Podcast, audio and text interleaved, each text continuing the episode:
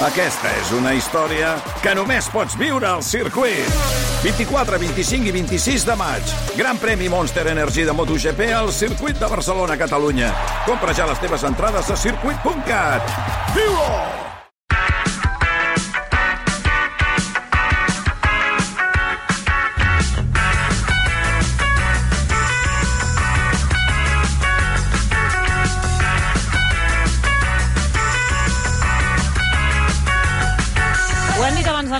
D'anar a la pausa de publicitat. Avui, com és dilluns, tots els dilluns toca No s'ha parlat prou, però avui s'estrena una parella nova. Són la Clara Caraltó, professora i escriptora. Com estàs, Clara? Bona molt bé, nit. molt contenta de ser aquí. Bona nit. Mira, i el Pep Antoni Roig, també escriptor i creatiu audiovisual. Què tal? Com estàs, Pep? Bona nit. Mira, gràcies. tenim el piro musical de fons avui. Ai, no sé sí. si ho heu vist. Tenim vistes... La, el Pep li queden d'esquena, però la Jo ho veig perfecte. Just de cara, i allà tenim la televisió. Però vaja, que em sembla que no, no heu vingut precisament a... Quina manera de votar. a mirar el piro musical, però home, jo és que de tant en a la, a la pausa de publicitat he dit, ai, mira, no l'estem, ens l'estem perdent, que realment aquest uh, piro musical d'avui pintava molt bé amb aquesta tria que ha fet el Sonar, però vaja, no el sentim, però el, el veurem de fons.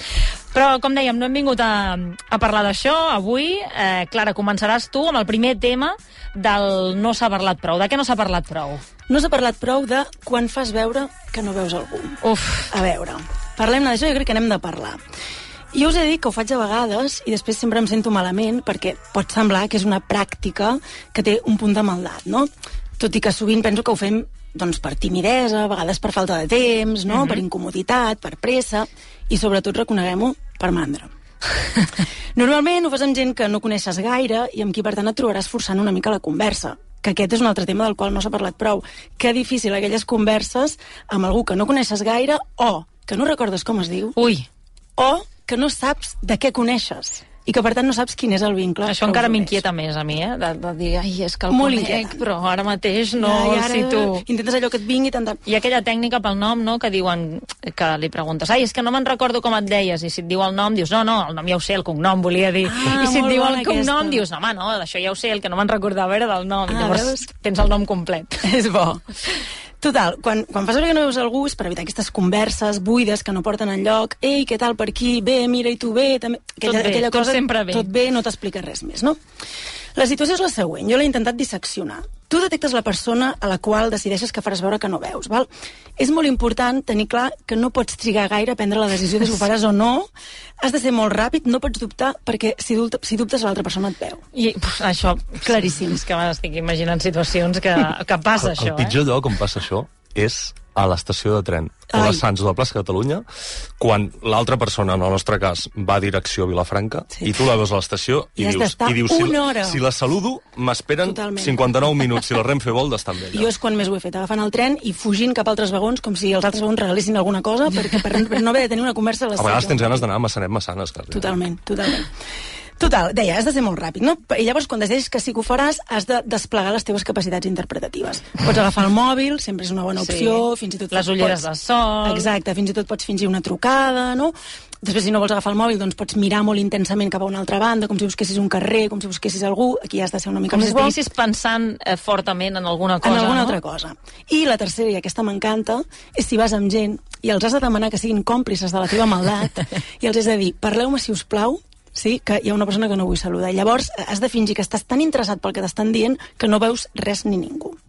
Repeteixo, has de ser subtil, has de ser natural i has de ser molt ràpid. Clar, el risc que corres aquí, no? que tu hi hagis pres aquesta decisió, que la teva interpretació sigui increïble i que algú et piqui per l'esquena. Digui, ei, totalment. Ei, que no l'has vist. Totalment, no? Perquè, clar, quan fas veure que no veus algú, poden passar diverses A veure, coses. sí. La primera és que realment l'altra persona no et vegi, perfecte, és el que volies, endavant. Llavors, sents aquell triomf una mica cruel, és veritat, eh? però endavant. La segona persona, la segona cosa, perdó, que pot passar és que s'estableix una mena de pacte implícit i estrany en què l'altra persona t'hagi vist, però també faci veure que no et veu. Exacte, aquesta és la... Bueno, no, anava a dir la millor, no, la millor és que no t'hagi vist, però la segona millor opció és... És molt noble. Tots dos És sabem molt- que ens hem vist, però, però hem fet farem veure, que, no. És molt interessant, t'has de plantejar per què fa veure que no et veu, no? una mica com tu, però és com aquesta casualitat de l'univers de tots dos hem fet el mateix, mm, el mateix objectiu, el mateix objectiu perfecte. I la millor de totes, que és la que deies tu, és quan l'altra persona realment ha cregut que tu no el veies, bravo, ho has fet molt bé, has sigut molt bon actor, però llavors se t'acosta, ve fins a tu per saludar-te. I llavors has de ser molt bon actor, has de ser brillant. Hom, home! Home, no t'havia vist! Llavors et sents la pitjor persona del món, veus que la gent fa el que ha de fer, ser amable, no té tantes històries al cap, ve, et saluda, dues frases, pim-pam, i tot perfecte. Clara, corres el risc, això, explicant-ho per la ràdio, que ara la gent que et trobis o que no et trobis eh, sabrà una mica com potser. actues. Totalment d'acord. T'analitzi a veure si estàs fent el paper o estàs amb uns amics que et dius que et parlin o... Clar, a mi a vegades m'ha semblat intuir que algú ha fet veure que no em veu i fa una mica de mal, és veritat. No sap una mica de greu, penses, ai, no? Però sí, sobretot... Però hi ha situacions, eh, ara ho dèiem, no? Hi ha situacions que s'entén, que algú dis mira, doncs no passa res, és veritat, has fet veure que no em veies, però a mi en aquestes circumstàncies també em va bé que no m'hagis vist, sobretot en aquestes en això que dèieu de, de pujar al tren no sé si, si vosaltres passava tornant de la uni moltes vegades, no? que trobes algú que, anava al mateix, que saps que va al mateix lloc que tu, que coneixes però no coneixes prou com per mantenir una conversa d'una hora i és en aquests moments Totalment. que dius Jo és quan més ho he fet a la vida. Sobretot quan agafava el tren al matí per anar a la universitat molt d'hora. Jo sóc d'aquesta gent que al matí vaig lenta, lentíssima, malhumorada, tot, i era com, no em veig capaç d'aguantar una hora de conversa. I ara he recordat que tinc una amiga que ho deia directament als matins al tren. Ah. Mira, no és res personal, vull dormir, Mira, doncs m'asseuré per allà sola. segurament és molt més honest Molt més honest i no fas veure coses. A, a vegades també passa perquè a mi em passava quan agafava el tren que volia llegir i, i a vegades Ja. m'havia arribat a comprar un llibre a la Catalònia quan existia abans d'agafar el tren i I el just baixaves de començar? l'andana amb el llibre eh, per encetar i trobaves un conegut que et venia a saludar i pensaves que un den, ara vull llegir. I va força bé tenir un ordinador portàtil perquè hi ha el truc de obres el portàtil, perdó, he de fer feina. I l'altra persona automàticament... Clar, perquè Sí, eh, si l'excusa És és, fer feina, humà. tothom, tothom és com que ho entén, no? Val, ha de fer Sí. feina. Però si és oci, com llegir un llibre, no? No, no s'entén tant. Ja, no, no com prioritzes llegir un llibre per davant de xerrar amb mi, no? No s'acaba d'entendre, no sé. Tu, Pep, fas pinta de, de ser dels que fa veure que no veu la gent sovint. Doncs... Sí, sí, reconeguem-ho aquí. A mi, a, aviam, a mi m'agrada moltíssim conèixer desconeguts. Ah, Però, fa, no, és veritat, vull dir, converses absurdes... desconeguts sí, però mig coneguts? Exacte, no, mig coneguts costa més que fan mandra. perquè si coneixes l'altra persona i et fa mandra, hi ha gent que fa mandra. O sigui, hi ha, hi ha una mesura per, per mesurar la mandra de la gent, que és quanta estona de tren aguantaries amb aquesta persona? O sigui, arribaries fins a Portbou amb aquesta A persona? mi no és tant la mandra de la gent com la mandra de la conversa. O sigui, forçar-la, estirar-la, allargar-la, mm, no m'interesses tant, no sé, saps? És Sí, sí. cosa. I he de reconèixer que hi ha hagut vegades que, per les circumstàncies que siguin, m'he vist forçada a fer veure que no veia algú, i després m'ha sabut greu i he pensat, ai, si l'altra persona m'ha vist, Sí. i he acabat enviant un missatge. Oh. de, ai, em sembla, em sembla que eres tu, però en aquell moment no ho tenia... I no sé si això ho arregla o encara ho espatlla. És que al final és, és pitjor. Com et sents després de dir, ai, que no pas el moment de dir, va, dos minuts de conversa i ho solucionem i ja Jo he està. tingut aquest sentiment de culpa, però no he arribat, No arribat a, a no he fer arribat a no? exercir el perdó. Això Però ja sigut- requereix un, un, un extra, no?, de dir, va, i ara què dic perquè no sembli que no l'he volgut veure, però trobi una excusa prou bona que sigui creïble, no?, per, perquè no, no t'he vist en aquell moment, o no ho tenia clar, o tenia molta pressa... És o... curiós perquè després a mi em passa, això sí que ho reconec obertament, fora de les fronteres catalanes, diguéssim, sóc un gran saludador de catalans. Dels que t'acostes Ah, quan parles sí, català, no? jo- Vols que et faci una fotografia? Jo estic passejant per París i sento dues persones parlant català a l'autobús i m'assec al costat i bueno... Ets d'aquests, eh? jo no. Jo no. Jo sí, jo jo no, jo cada no. vegada menys. Mira, abans eh, sí, però um, aquest estiu, per exemple, que no he anat precisament a prop, he trobat catalans i he fet veure que mm, no parlava en cap cas. És una bona manera Perquè és això, perquè país, dius, crec. te'ls trobes i, i, i què? I ara t'he d'explicar la meva vida, t'he de dir qui sóc, qui ets, eh, i si, això, si estàs en un tren o en una andana i tens un trajecte de mitja hora, potser no tinc tantes coses a explicar. Tu sí, eh? Tu d'aquí treus històries, jo, no? Sí, és que jo tinc curiositat per l'ésser humà i, i si és català més, em sembla. En fi, eh, molt bon tema aquest, perquè em sembla que, que qui més, qui menys, qui digui que no, jo crec que menteix. Jo també ho crec. Eh, S'hi ha trobat a, alguna vegada. També passa a la platja, eh, molt. Home, De- sí, depèn, clar, sí. i, aquí, i un punt d'incomoditat i Sobretot tot. si vas a, si, si vas a platges, nudistes. platges properes a casa i bueno, platges nudistes ja seria una altra història, sí, sí, sí. Va, què més, eh, Pep, de què no s'ha parlat prou? Doncs jo no, jo no faré un tema tan divertit o curiós com el de la Clara, però crec que no s'ha parlat prou de que la barema 2023, que Sí. acaba d'acabar, ha estat eh, desastrosa. Oh, sí, vinc amb un tema una mica tràgic, No, no. Però- És així, vull dir... Quan dic que no se'n parla prou, vull dir que segurament els mitjans, algun mitjà, alguna coseta n'hagi fet, però... Aviam, la primera pregunta important, us agrada el vi?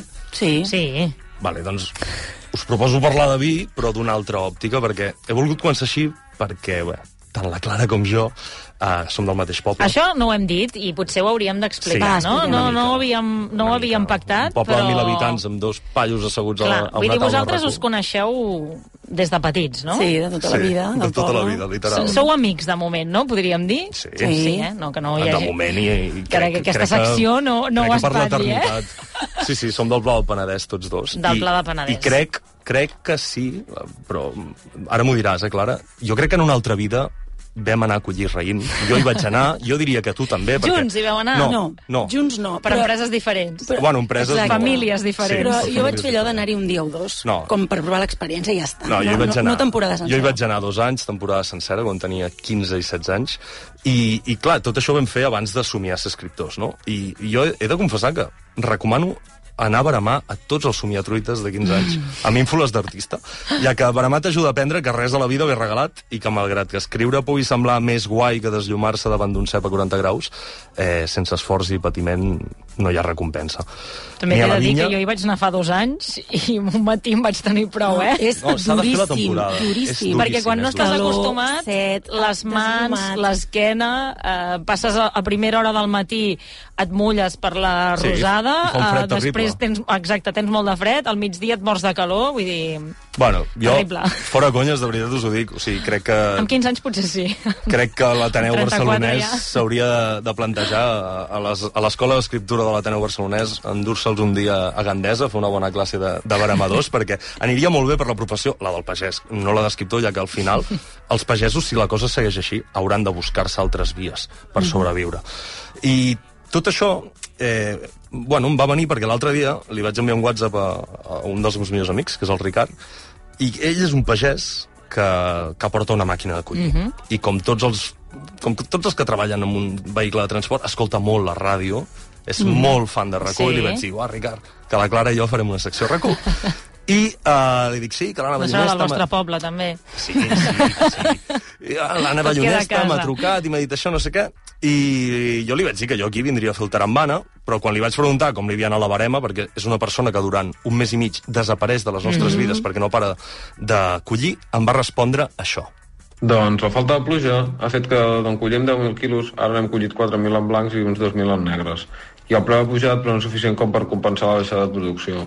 Per mi, el més greu són els morts que quedaran, que ja no només afecta aquesta collita, sinó també les futures. I en un sector on el, le- el relleu ja és de per si difícil, aquestes situacions fan que els foc joves disposats a incorporar-se no ho facin. Clar, sí, nosaltres estàvem fent el tema una mica aquí, jiji, jaja, Ah. però és veritat eh, que hi ha moltes famílies que, evidentment, viuen d'això i que cada vegada comença a ser un problema molt més greu, no? Sí, i en, en el cas de la d'enguany, a sobre, jo quan vaig anar a collir, recordo que vaig començar a finals d'agost, per Festa Major a Vilafranca. Segurament la meva àvia, quan era petita, començaven a mitjans de setembre. Mm -hmm. Enguany la barem ha començat més o menys el 10 d'agost. Sí, sí. Per què? Perquè estem en un context de sequera extrema. I cal explicar als oients, per si no ho saben, que el cultiu de la vinya, sí, és un cultiu de secà. Els ceps resisteixen bé a la falta d'aigua, etc etc. però, ostres, és que fins i tot els, Però no tant. els dromedaris també es moren, eh? O sigui, poden estar molt sense veure aigua, però també es moren. I això és el que està passant. És a dir, uh, aquest any, aquesta anyada, és la de menys producció de tots els temps.